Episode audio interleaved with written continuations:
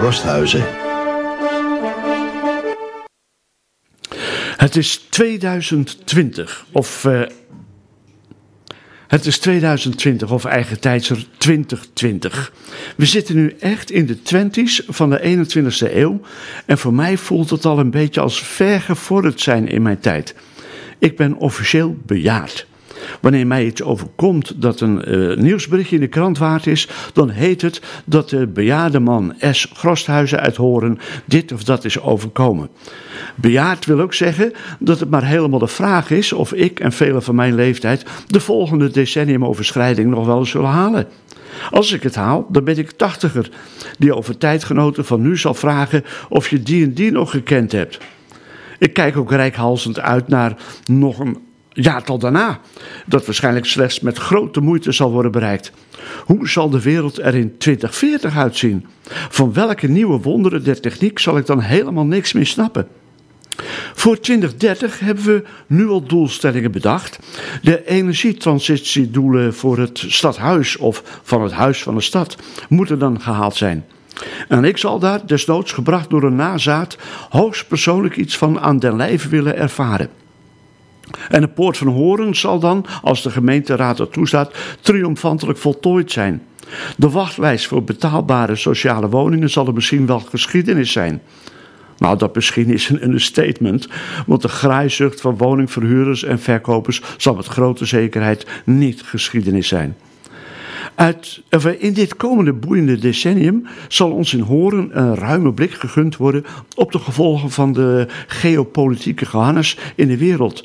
Maken we dan deel uit van een Europa dat als werelddeel uh, en paradijs van samengebundelde krachten, wijsheden en voorspoed ten voorbeeld staat voor de rest van de voortsukkelende, elkaar ondermijnende wereld? Of bungelen we een beetje achter elke wagen van waaruit door twee of drie andere wereldmachten felbegeerde artikelen ter welvaart en voorspoed met elkaar worden gedeeld? Om dichter bij huis te blijven. Hoe ver is het gekomen met intensieve samenwerking tussen de zeven gemeenten van Oostelijk West-Friesland? Zijn we dan al één grote gemeente?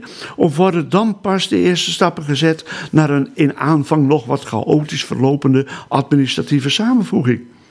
Ik weet dat nog niet. En koffiedik kijken gaat me altijd moeizaam af. Ik heb in de afgelopen tijd politici uit alle gemeenten gesproken en de verrichtingen die van uh, horen wat scherper aanschouwd en beluisterd. Maar wanneer mij zou vragen of zinvolle, concrete stappen naar het realiseren hiervan en van de diverse verkiezingswenslijstjes in de 2030 doeltreffend zullen zijn gezet, dan moet ik het antwoord schuldig blijven. Neem van mij aan dat bijna niemand zich heeft laten kiezen opdat er door hem of haar effectief zand in de raderen gestrooid kan worden, zodat elk prachtig bestuurlijk streven zal sneven in eh, tweedracht. Zal de democratie in 2030 een beter antwoord hebben op redeloos gebrul van opgehitste burgers die iets onaangenaams vrezen tegen te komen tijdens het boodschappen doen? Zullen messentrekkende pubers iets worden dat er nu eenmaal gewoon bij hoort? Zullen dan voor een paar decennia onges totaal ongesminkte Pieten de Sint begeleiden? En ikzelf? Zal ik dan zijn blijven steken in gefossiliseerd gelijk? Is die fossilisatie nu al ingetreden? Heb ik dat de komende tijd nog steeds niet door? Heb ik in 2030 het bevredigde gevoel dat ik de wereld die ik in de eerste helft van de vorige eeuw aantrof, een ietsje mooier gemaakt heb, zodat mijn klein kroost dat met gepaste trots kan verkondigen, zonder dat iedereen weer een stukje fake nieuws mee te herkennen. Hoeveel nepberichten zullen de komende tien jaar de gewone burgerman op het verkeerde been zetten? Is Freek de Jonge dan nog echt met pensioen? Of misschien nog erger, is Roger Ternaar dan nog steeds raadslid? Mag ik wel een beetje opluchting putten uit het feit dat de rampscenario's waarin het helemaal mis zal gaan in de wereld een jaartal opgespeld hebben gekregen dat zeker enkele decennia later werkelijkheid dreigen te gaan worden? Ik zit bij bergen van vragen en vrachten onzekerheden en daar ben ik ontzettend blij mee. Zo kunnen we de komende jaren nog interessant, verrassend en geleefwaardig blijven vinden. Toekomst voorspellen zou maar één vervelende kant kunnen hebben. Stel dat je in alles gelijk krijgt, gelijk krijgt, zou je het dan nog allemaal willen meemaken? Dan nu, laten we er een prachtig decennium van maken.